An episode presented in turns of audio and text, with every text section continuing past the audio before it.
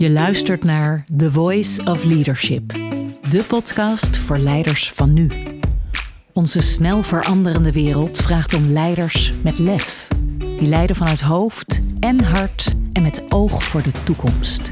Die verbinden, inspireren en anderen weten mee te nemen in een duurzame visie. Deze tijd vraagt om leiders met een stem. Ik ben Mariska Wessel en in deze podcast deel ik inzichten en inspiratie om jouw stem als leider te versterken. Wat leuk dat je luistert naar een nieuwe aflevering van The Voice of Leadership podcast. Vandaag staat in het teken van effectief leiderschap met een vleugje Covey. Stephen Covey is jullie vast wel bekend. Zijn boek The Seven Habits, de zeven eigenschappen van effectief leiderschap, is immers de bestseller op het gebied van leiderschap van de 21ste eeuw. Een stuk minder bekend is zijn boek De achtste eigenschap. Find your voice and inspire others to find their voice. En juist dit boek is voor mij een grote inspiratiebron. En vandaag ga ik op zoek naar de betekenis van die achtste eigenschap, het vinden van die stem, met Covey-kenner Floris Verbij. Floris is trainer bij het Franklin Covey Instituut en heeft zijn eigen trainingsbureau BlueStack Leadership. En de naam BlueStack verraadt ook meteen zijn veelzijdige talent. Hij is naast trainer en coach ook componist en jazzpianist. En met hem ga ik in gesprek over de kunst van leiderschap. Met een vleugje achtste van Covey en hoe het vinden van je stem misschien wel de grootste sleutel is tot betekenisvol leven. Floris, welkom hier in de Dankjewel. podcast. Mooi dat je hier mag zijn. Fijn dat je er bent. We zitten hier in Amsterdam en je komt eigenlijk vers binnengevlogen van een training die je hier hebt gedaan. Als trainer zit Covey eigenlijk altijd in jouw repertoire?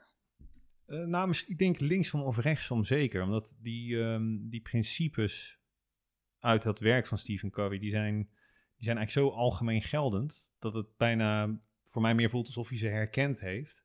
Niet zozeer bedacht. Dus het zijn, eh, als het gaat om leiderschap, dan start het natuurlijk met de vraag, ja, wat, waar heb ik nou überhaupt invloed op? Kan ik, heb ik iets in de melk te brokkelen? Ben ik eh, ehm, een soort speelbal van alle omstandigheden of heb ik ook daadwerkelijk invloed op mijn omgeving? Nou, ik denk op onze goede momenten weten we allemaal dat we dat gelukkig kunnen hebben. Op onze slechte momenten vaak niet. Dus eh, linksom of rechtsom zijn denk ik de thema's die in de Seven Habits langskomen. Voor mij heel essentieel in mijn bestaan. En daarin zijn de, zeg maar, de middelen die ik vanuit eh, dat boek met name heb gelezen eh, en, waarmee ik werk, ja, die komen in allerlei verschillende verschijningsvormen wel langs. Het is niet zo dat ik iedere dag de Seven Habits spreek of zo. Dat, ik zie het echt wel als middel en niet als, niet, niet als doel, maar echt als middel. Ja. Ja. En de effectiviteit zit daarin dat je jezelf kunt trainen om je bewust te zijn van waar je invloed op hebt. En als je de regie hebt over je, jezelf, dat je daarmee pas invloed hebt op die omgeving, toch? Klopt, ja, dat is eigenlijk zo'n drietrapsraket, hè, zonder ze alle zeven te gaan behandelen hoor. Maar eigenlijk starten we ons leven. Je kan het eigenlijk best goed vergelijken ook gewoon met de, de, de groei van een mens. Je begint in volledige afhankelijkheid. Je bent afhankelijk van, je, van de mensen om je heen. Langzaamaan ga je leren om onafhankelijk te worden. Ehm, dat zijn eigenlijk de eerste drie habits. Die gaan over, hé, hey, wacht even, waar, waar heb ik nou zelf invloed? En hoe zorg ik nou dat ik zelf me richt op het juiste? Heb ik wel een definitie van wat succes is voor mezelf?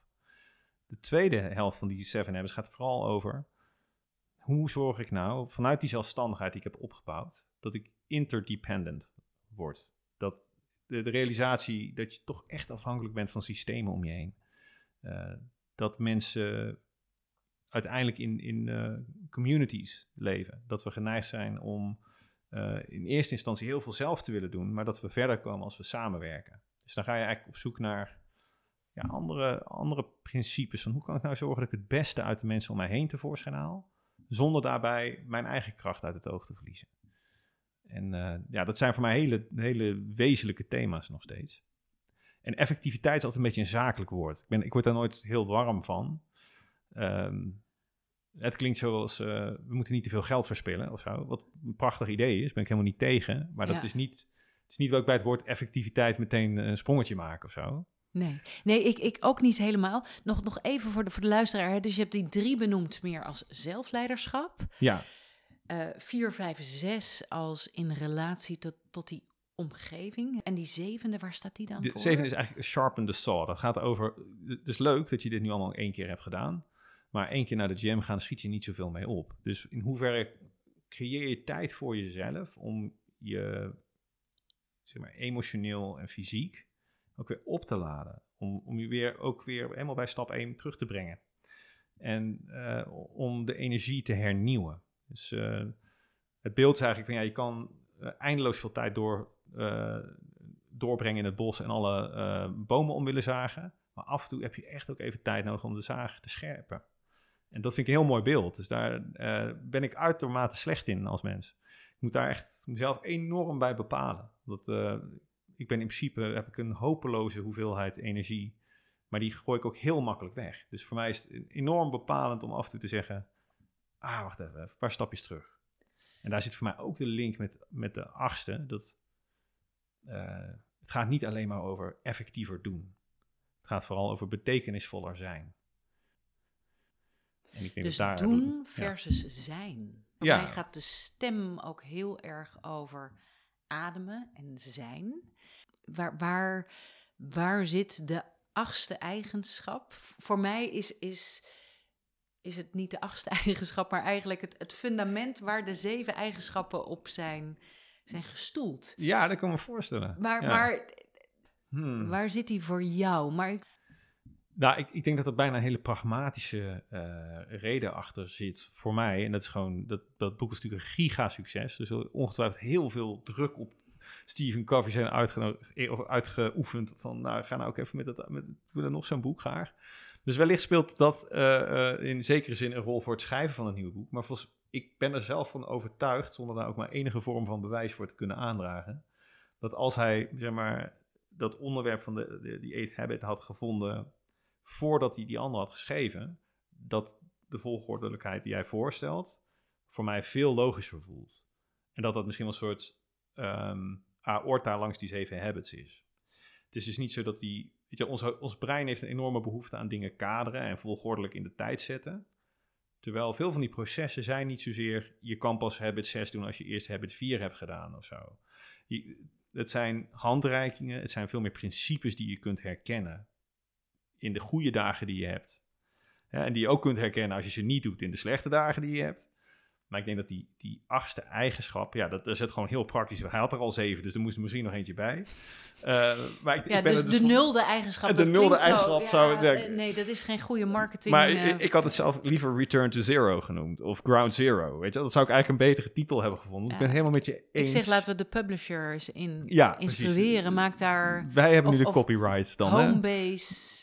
Uh. Homebase Kawi. Hè, de, de, Waar inspireert hij jou? Ik, vind het zo, ik vond het heel mooi aan jouw post dat je zei, die, die achtste, eh, ook in jouw inleiding net, mm -hmm. die, die achtste eigenschap, die raakt jou. Kan je daar iets over vertellen?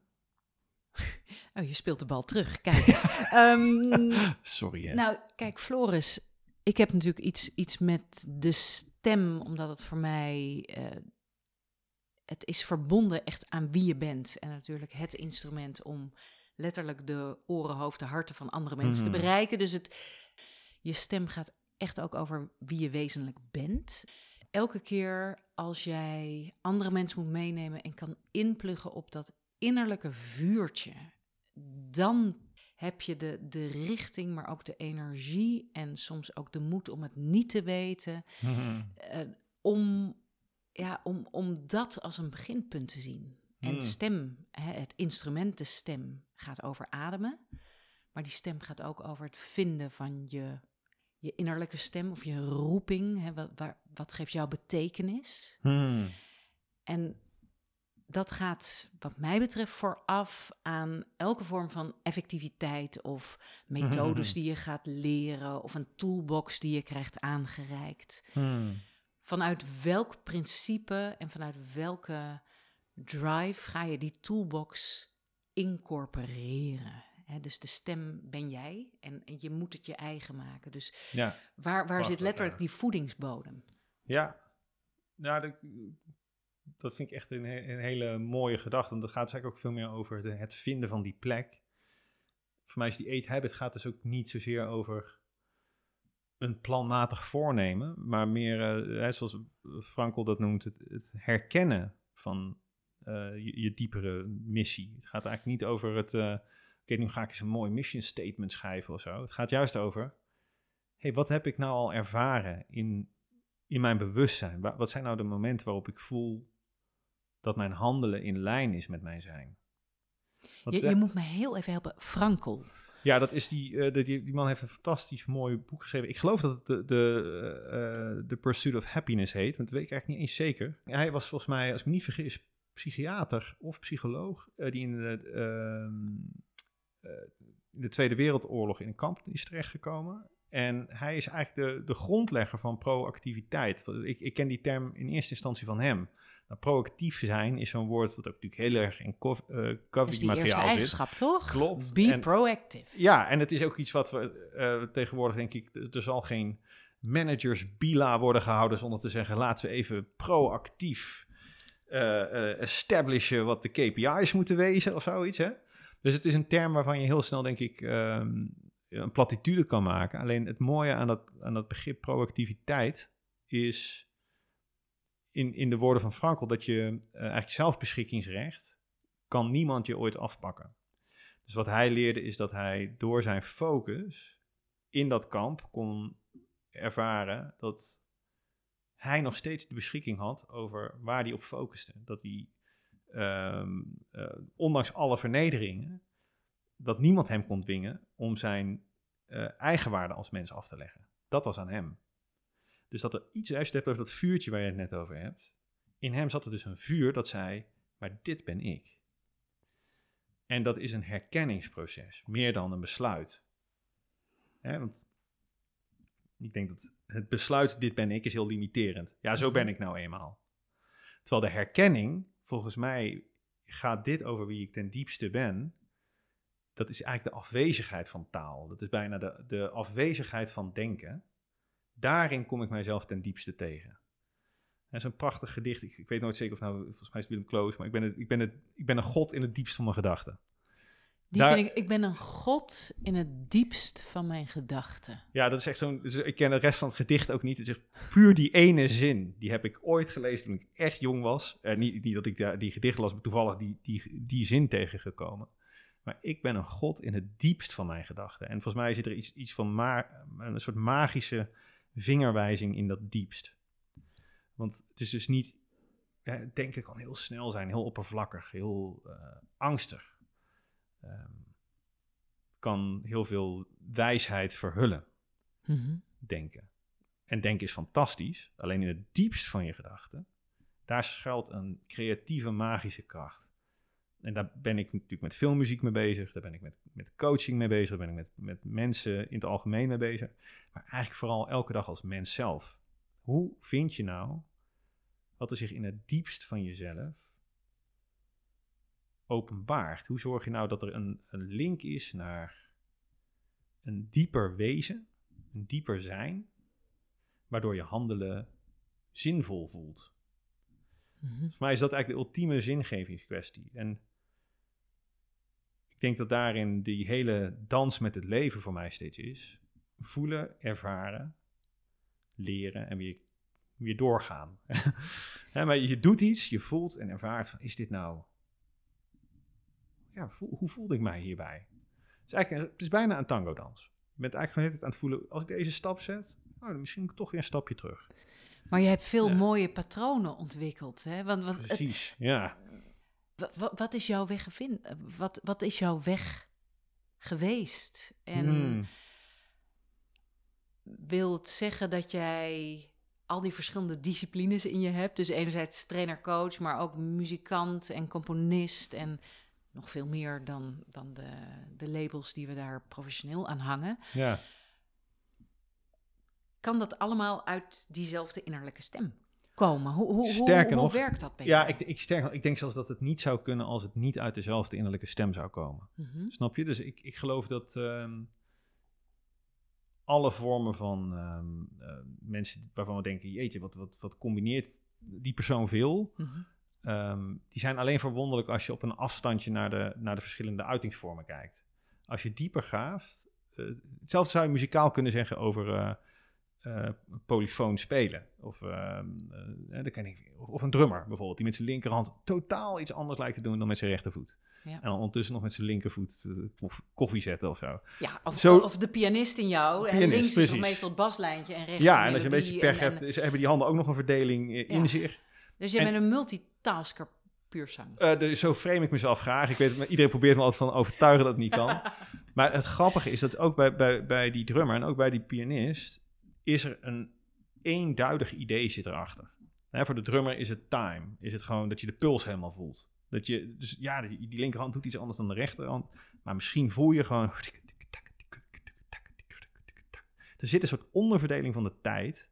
En ja, daarin hebben je ledematen verschillende patronen en verschillende rollen. Maar het komt uit dezelfde bron. En datzelfde geldt voor mij met die uitingsvormen die ik heb. Ik ben ervan overtuigd dat ik niet veel muziek kan combineren met eh, eh, coach zijn. Of ik, ik, ha- ik haat de term inmiddels, maar met mensen werken. in- inderdaad, hen uitnodigen om hun, hun stem te vinden. Als daar niet een soort gemeenschappelijke voedingsbron eh, bodem onder zit. Dus voor mij is het eigenlijk door die verschillende dingen te doen en te ervaren, kom ik erachter, hey, dit element van, van dit profiel raakt aan mij. Pianist zijn, dat kan op 20 miljard verschillende manieren. Ik zat met jongens in de klas eh, op het consortium die ook eh, pianist waren. En die je binnen één seconde kan onderscheiden van mij, zelfs al spelen we hetzelfde akkoord. Dat kan alleen maar omdat er dus iets van je persoonlijkheid doorklinkt in dat akkoord. Dat vind ik wel knap. Kijk, in een stem, hè, dan ben je het eigen instrument, maar zelfs in het akkoord, in de manier van, van het neerleggen, de, Ja. de kleur, de intensiteit van, van de beweging, van, van de... De snelheid van het, de- de- ja, het is de, de, de, de, de- misschien de, de attack waarmee je iets aanslaat, of je wel geen pedaal gebruikt, of je eh, bedachtzaam die toetsen indrukt, of fel, of je eh, geneigd bent daarna te luisteren, of dat je alweer bezig bent met het volgende akkoord. Dat zijn Ja. allemaal persoonlijkheidskenmerken. Die kan je bijna niet niet horen. Dus ik kan, ehm, ik kan soms binnen een seconde horen als een pianist waar ik fan van ben een nieuw album uit heeft, wa- waarvan ik geen weet had, maar iemand zet het op en ik, dit is gewoon, noem maar Brad Meldau of zo, iemand waar ik helemaal fan van ben. Geweldig. Dus de ja. persoonlijkheid van, wat we, van wie we zijn, die klinkt altijd door in wat we doen. Maar dat is een beetje als een bril op hebben die je altijd op hebt. Daar ben je je niet meer bewust van. Dus in hoeverre neem je af en toe die bril af en kijk je er eens naar? In hoeverre kijk je nou eens van, hé, hey, in alles wat ik doe, wat, wat ben ik nou eigenlijk... Neem eens afstand. Kijk er eens naar, hoeveel, hoeveel pixels heb ik nou eigenlijk al van een plaatje gecreëerd en wel, welk plaatje zie ik ontstaan? Ja, mooi. Ik hoor meteen daarin, het afzetten van die bril is even die habit doorbreken. Hè? Dus, dus eventjes Klopt. van een ander perspectief, dus durf eens even te kijken als er een obstakel is. Ik zet die bril eens af. Ja, Ik ga uit de gewoonte, uit de routine, Hmm. ankeren, ademen. Die stem Ja, zeker. Nee, in, in, inderdaad. vinden en, en vanuit daaruit even wachten met het opzetten van die bril. Of misschien is, kan het zelfs zo zijn, Floris, dat je een andere bril moet gaan zetten. Nou, wat ik denk ik bedoel is. eh, En misschien ja hoor, trouwens. Sorry, ik zal eerst op je vraag antwoord geven. Er zijn in mijn leven in ieder geval heel veel, heel veel gevallen waarin de bril waarmee ik, zeg maar, als ik er niet over nadenk, geneigd ben naar de situatie te kijken. Hè, eh, zeker niet de meest effectieve bril blijkt te zijn. En dan effectief in de zin van zingevend. Er zijn heel veel momenten waarop ik geneigd ben. eh, nou, bijvoorbeeld met mijn kinderen is een heel goed voorbeeld. Ik heb heel vaak de neiging om te denken dat mijn taak als ouder is. Dat er eh, geen eh, conflict mag zijn. Of dat zij continu de hele dag door vrolijk moeten zijn. Dat is een absurde taak. Zowel voor hen als voor mijzelf. Maar als ik die bril op heb, nou, dan ben ik heel druk bezig ieder golfje weer rustig plat te slaan. Ja. Nou, daar creëer je heel veel golven mee. Dus voor mij is de, de, de effectiviteitsslag, is eigenlijk, dat woord effectiviteit is voor mij eigenlijk continu, hoe maak ik nou dat dit zinvol is? En dat betekent dat ik mijn zintuigen inzet. En dat ik niet alleen maar reageer. En dat is heel erg die eerste hebben. Die gaat echt over even een pauze. Gewoon een creatieve pauze. En in die creatieve pauze kan je even kijken naar... Oké, er was een impuls. Mijn kinderen maken geluid. En mijn reactie, zelf harder gaan schreeuwen... is misschien niet de meest handige. Nee? Om stilte kan je blijkbaar niet schreeuwen, schijnt. Een wijsheid die ik ooit van mijn moeder heb geleerd. Maar uh, dus om om dan even de pauzeknop in te kunnen drukken en te zeggen: Oké, okay, dit is een impuls. Mijn kinderen maken geluid. Oké. Wat gebeurt er nu in mij? Ik word onrustig. Waarom? Ik wil graag dat ze blij zijn. Oké. Nou, door die pauze is vaak dat geluid al rustiger geworden. Of, of ze staan al bij mij en uit te leggen waarom de andere uh, schuldig was.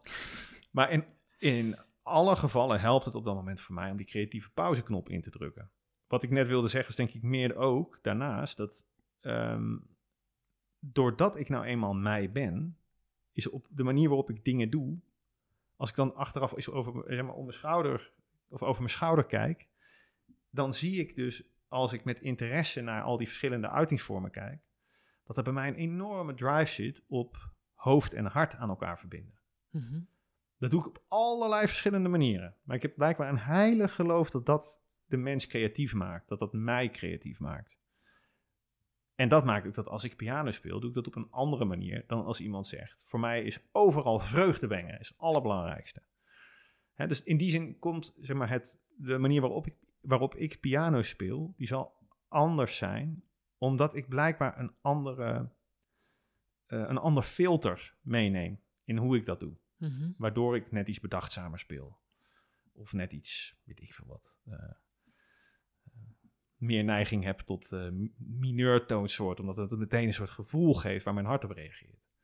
Nou, dat, ik denk dus dat voor mij de herkenning in wat dan blijkbaar mijn filter is, dat die, die filter in zekere zin ook mijn persoonlijkheid vertegenwoordigt. Mhm. En dat door daar geïnteresseerd naar te kijken, geloof ik dat je gaat ontdekken, er is dus blijkbaar een ik. Maar daarmee is het een herkenning en niet een creatie. Het creatieve is dat je even stopt met je normale gedrag en even geïnteresseerd bent. Dat is creativiteit. Nieuwsgierig zijn.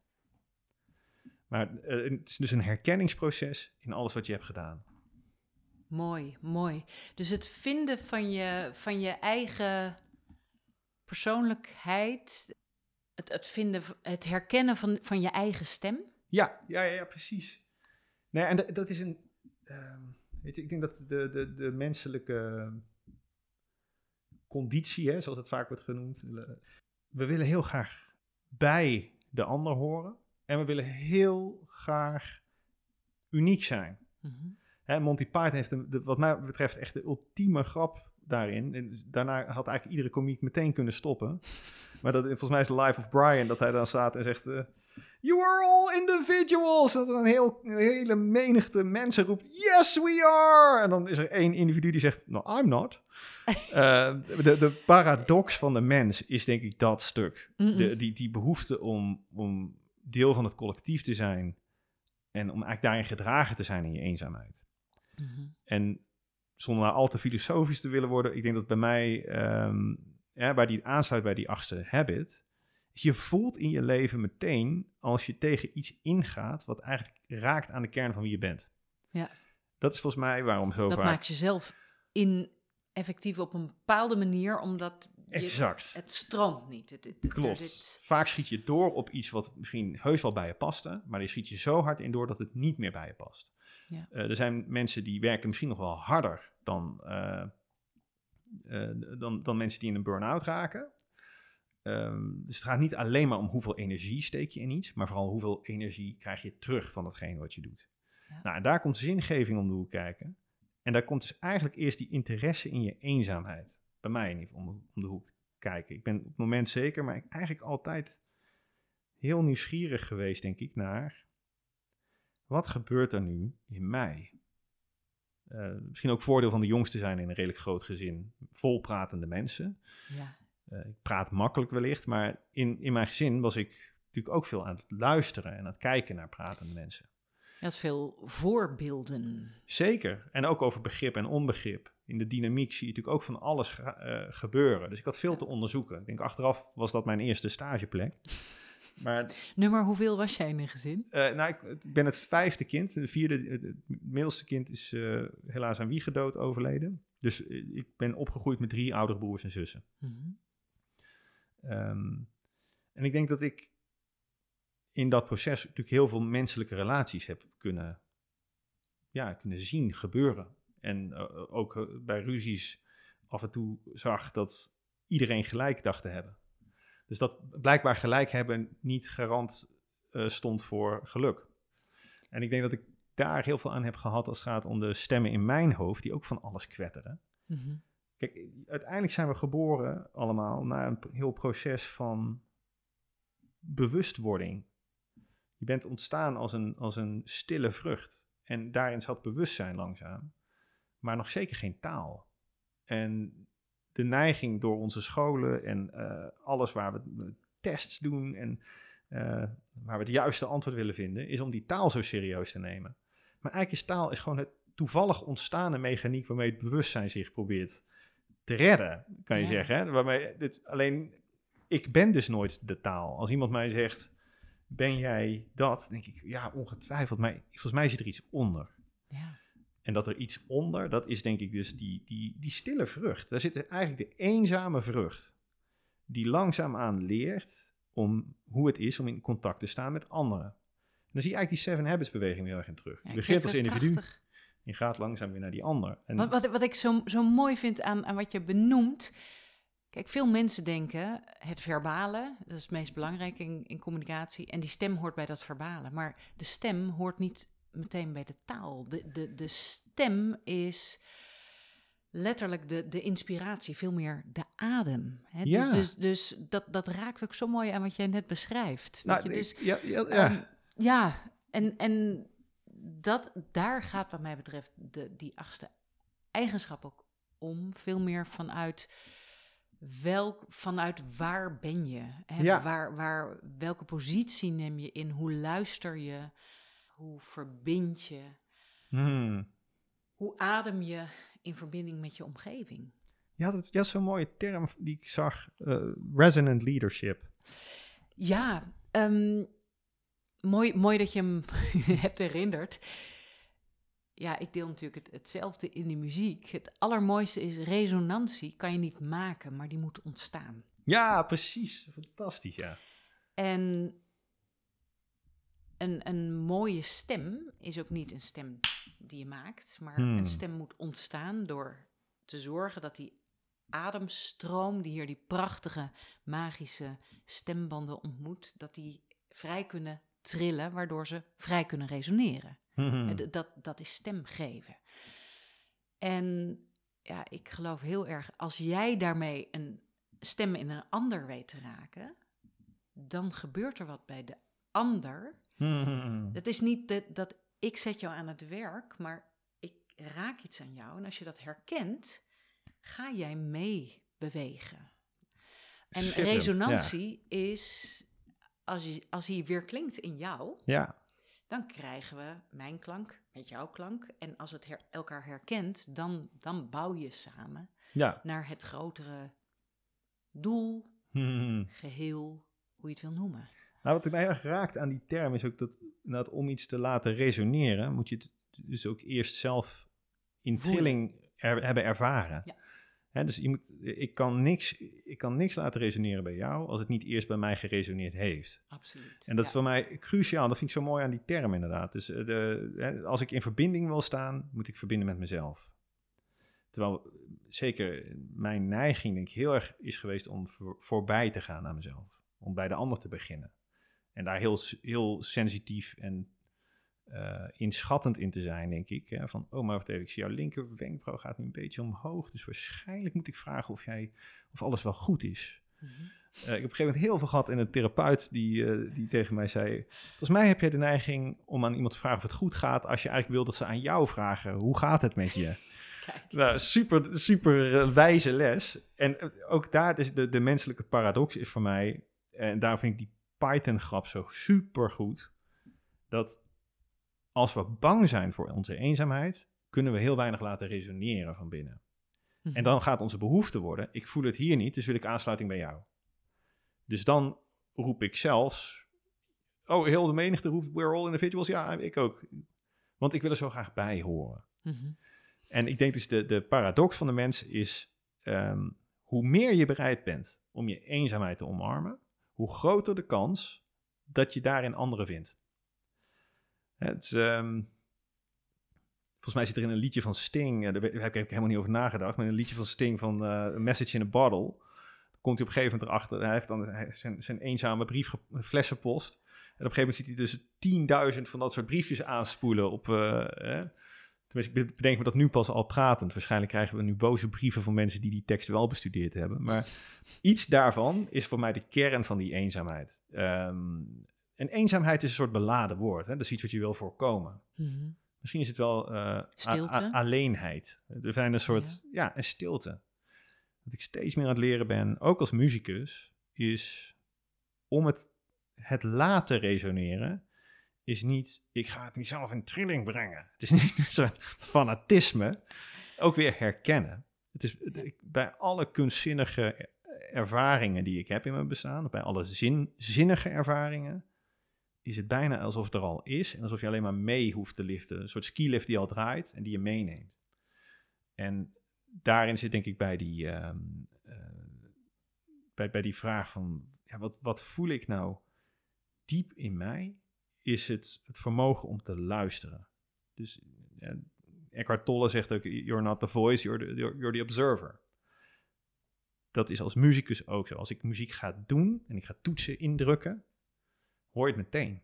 Als ik samenval met die toets en als ik oké ben dat het niet spectaculair hoeft te zijn, maar dat gewoon, dan ga ik nieuwsgierig luisteren. Dan ga ik innerlijk meezingen.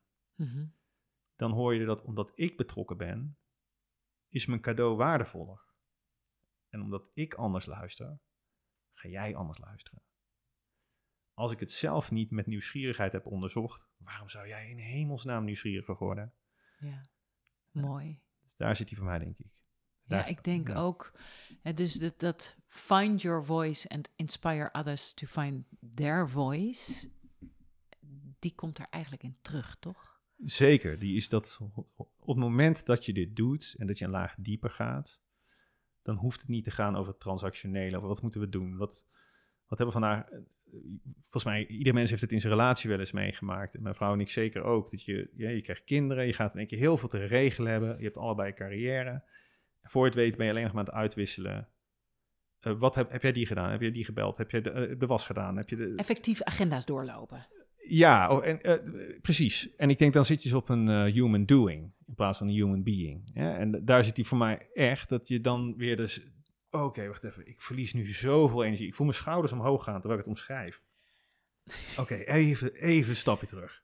Even Wacht ademen. even. Ik vind jou echt de allerleukste persoon op aarde. Ja, ik wil daar heel even... ja, even het buik zacht. En ehm, in plaats van denken, ik, ik ben want ik doe gewoon de, de, de rust durven hebben om ehm, ook daarin weer af te vragen van, hey, wat voel jij nu? Wat, wat heb jij nu nodig? Wat gebeurt er in jou? Wat gebeurt er in mij? En ik denk dus, dat vind ik ook heel mooi aan ehm, de Engelse titel van The Seven Habits of Highly Effective People, is niet, het is niet eigenschappen van leiderschap, het zijn gewoontes van mensen. Seven Habits of Highly Effective People. En datzelfde geldt voor de achtste. Dus voor mij gaat het er ontzettend om dat je in je mens zijn geraakt wordt. Mhm. Dat is ook iets waar ik leiders enorm toe zou willen uitnodigen. Ook daar, hè, hoe vaak krijg je geen visiestatements te horen? Prachtige PowerPoint-plannen waarvan iedereen weet, daar gaat niks mee gebeuren. Waarvan je zelfs bij de presentator al voelt, volgens mij weet je dat we hier te druk voor zijn. Of misschien was je zelf eigenlijk wel te druk. Ja. Mhm. En ik, ik vertelde jou volgens mij eerder een voorbeeld van eh, hoe ik daar ook mensen in wil uitnodigen om het eerst zelf te ervaren. Dus als ik, eh, als, stel ik wil jou, jou vertellen van, eh, ik wil graag dat we pizza gaan bakken. En dan kan ik aan jou zeggen, pizza dat is, een, dat een, klont deeg, en dan maak je een cirkeltje van en dan smeer je tomatenspul op en verder alle groenten die je toevallig nog had liggen en wat kaas. Ja, Nou, het pizza. Niks onterecht, eh, klopt als een bus. Ik, ik had je ook gewoon, eh, eh, ik had mezelf de moeite kunnen besparen de, de ingrediëntenlijst aan je sturen. Ehm, maar als ik nou echt wil dat ik dit communiceer, dan ga ik, dan ga ik een, de geur van een pizza beschrijven. Dan ga ik vertellen hoe lekker dat ruikt. Dat als, die pizza, als dat pizzadeeg uit de oven komt, en je voelt het bijna, je voelt de warmte naar je toe komen, je ruikt het, eh, bloem, hè? Je, je, je krijgt Maar knapperige korstjes. Beg- begin with the, eh, Begin with the senses. Ja. Of, ja, maar ook het zintuigelijke meteen. Hè? Als Dus wij het, het zin gaat voorbij de ja. informatie. Dus ik hoor en begin with the end in mind, maar ook het zintuigelijke zit dat het dus niet alleen hoofd is, maar Klopt. In die, in die Eight Habit gaat heel erg ook over de balans tussen emotional, eh, physical, ehm, heb je nog meer, eh, intellectual en spiritual. En volgens mij zijn die vier gebieden, die, die worden ook later door andere eh, auteurs, onder andere Schwartz, heeft dat volgens mij ook overgenomen in dat boek eh, Manage Your Energy, Not Your Time. Mhm. Maar veel te vaak zijn we bezig met correcte omschrijvingen waar ons brein van zegt, er zit geen fout tussen. Mhm. Maar als er ergens geen fout tussen zit, wil je nog niet zeggen dat je iets goeds hebt gedaan. Hè? Dus er is een heel groot verschil tussen geen fout maken en iets goeds doen. Die is- dat is een doordenkertje. Nou, heel simpel. Ja. Als ik, eh, stel ik speel van bladmuziek Bach en ik heb geen één fout gemaakt. Ik wil nog niet Maar ik zeggen heb er dat, op geen dat ik... enkele manier iets bij gevoeld. Ja. Ga je er ook echt niks bij voelen. Of, of ik heb toevallig mazzel. Maar ik heb alsnog niks gecommuniceerd. Ja.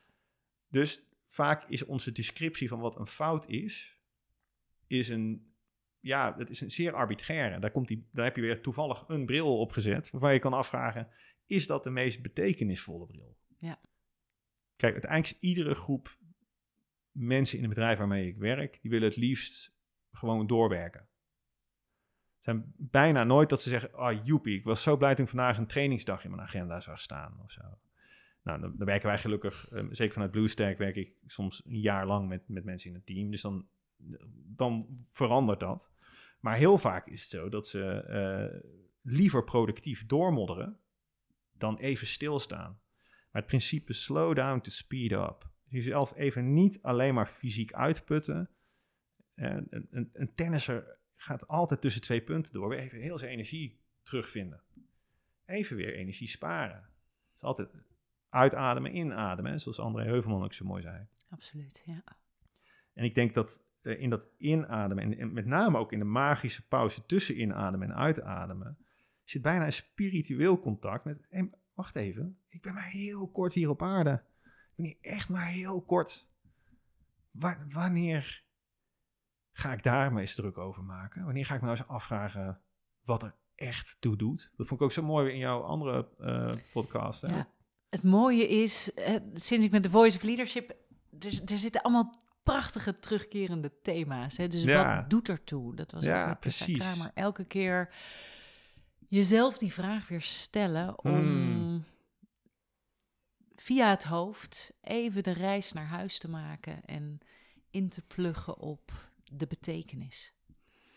Ja, dus en het moment en Precies. En ik denk dat dat ook zo belangrijk is, dat we elkaar daarin helpen. Want ik, ik kan me echt vergalopperen in mijn hoofd. En ik weet zeker dat ik niet de enige zal ik zijn. eh, zie herken jou- het ja. geheel.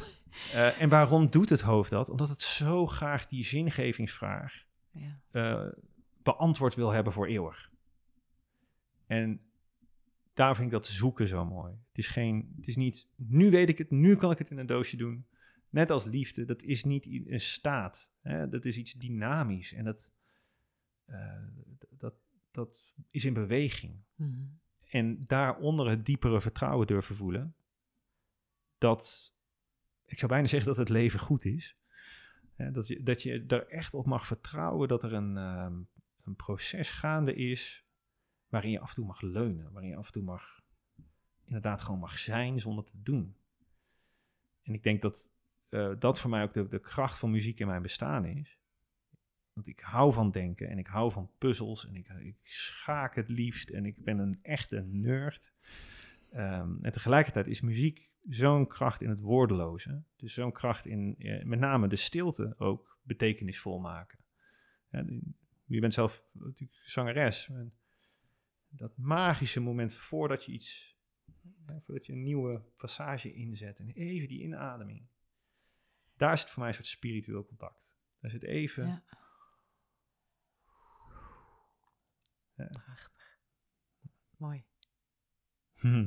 Wij ademen zo. Ja, we, we kunnen nog eindeloos doors- doorpraten hier. Hou nou toch eens. Ja. Prachtig. Nee, nee, helemaal, helemaal mooi. Eh, en, en toch gaan we hem, gaan we hem zo'n beetje afronden. En Floris, dat doe ik met drie vragen die ik ook bij iedereen stel. Dus mijn eerste vraag is: welke drie eigenschappen vind jij de belangrijkste voor leiderschap van de toekomst? Nou, ik ben zelf enorm beïnvloed ook door het CAR-model van, eh, hoe heet het, volgens mij Luc Stevens. Dus echt zo'n model, het gaat eigenlijk over de basisbehoeften voor een eh, gemotiveerd lerend mens. En waar Dat staat CAR dan voor? CAR staat voor competent, autonoom en in relatie. Dus CAR is de af- eh, abbreviation of competent, autonoom en eigenlijk relatie is vooral met, met relevante anderen, dat je gezien wordt. Ja. Je kan het ook samenvatten, ik kan is competent, ik wil is autonoom en ik word gezien. Het doet ertoe. Mooi. Het, het midden van die drie cirkels, waar die overlappen, dat is waar mensen zich echt gezond gemotiveerd voel- voelen. Nou, dus voor mij zijn de thema's die ik heb, die raken daaraan maar op een net iets andere manier. Van leiderschap wordt volgens mij, ehm, er is een transitie gaande waar ik heel erg blij mee ben. En dat is een, een transitie naar ehm, nieuwsgierigheid. In plaats van, ik weet en jij komt naar mij met je vragen en dan vertel ik jou, want ik ben competent. Gaat het erom, hoe gaan wij samen competenter worden? Nou, die vraag alleen al is nieuwsgierigheid. Dus de autonomie in de ander ook. Zeker. Durven dus da- toe te staan. met die nieuwsgierigheid ben je bezig met hoe gaan we. vertel nou eens, hoe benut ik jouw competenties het best? Vertel eens nog iets wat ik niet weet. Ja. Stel je nou toch eens voor. Hè, ik, ik geloof zo in dat we de wereld twee keer scheppen. Eén keer in ons hoofd en één keer met, met onze daden. Dat is toevallig ook enorme coffee-gedachte trouwens, helaas. Sorry. I love it. Ehm, maar het is die nieuwsgierigheid, die zit voor mij erg inderdaad op competentie en autonoom. Nou, dan heb je zingevend vermogen, zeker als je met jongere generaties werkt. Maar ik denk eigenlijk, eigenlijk voor ieder mens. Zingevend vermogen en richtingsgevoel. Hè? Dus als je die pizza verkoopt aan je, aan je team, zorg dat ze hem ruiken. Zorg dat ze er zin in hebben. Zorg dat ze de warmte voelen van en dat ze bijna knoflook kunnen ruiken erop.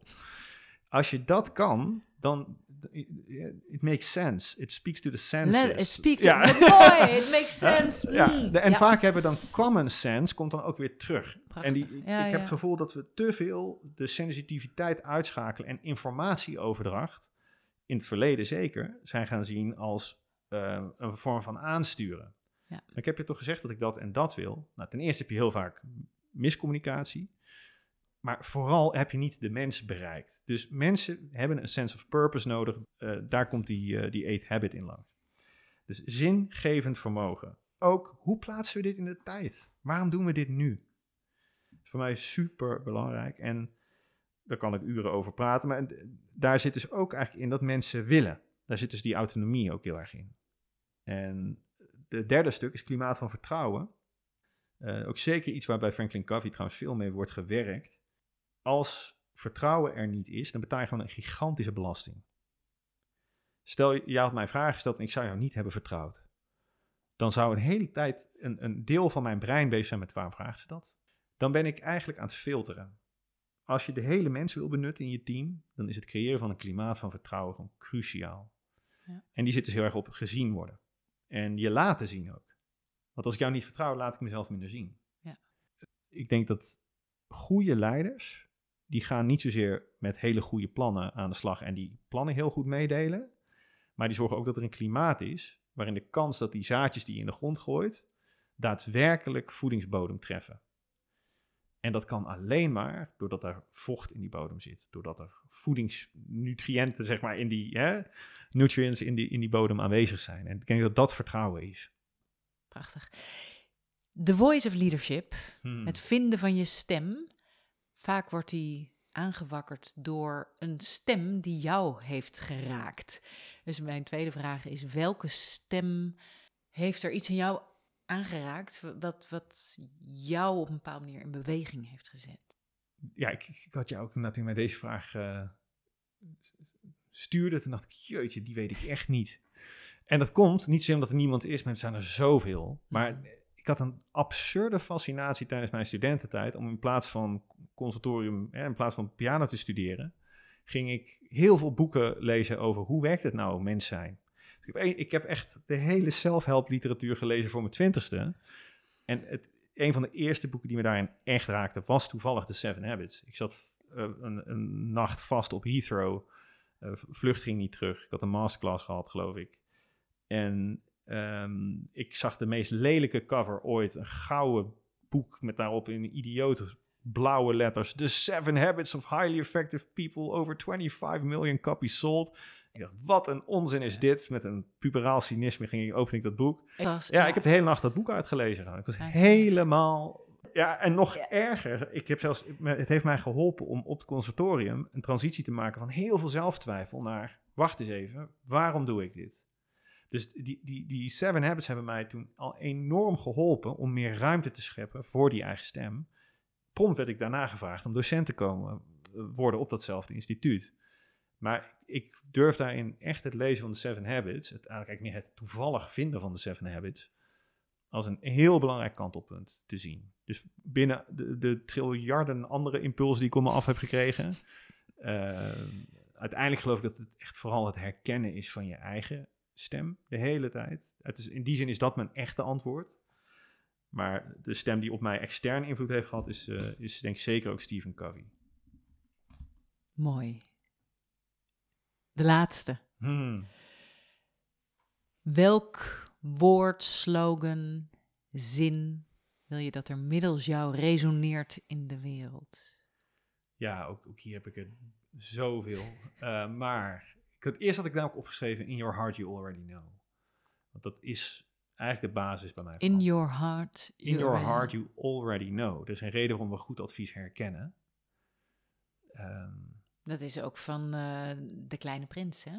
Ja, dat zou heel goed kunnen. Que, Klopt, ja. Uh, que avec le cœur. Ja, precies. Ja. ja. En ik denk dat die erkenning... Wacht even, mijn brein, mijn brein zoekt nu iets... wat mijn hart alleen kan zien. Dat is een hele belangrijke voor mij. Dus in your heart you already know, daar zit voor mij een oproep om even tegen denken te zeggen, zet de lampjes maar uit en kijk maar even of je de sterren kan zien. Daar zit voor mij eh, heel veel in.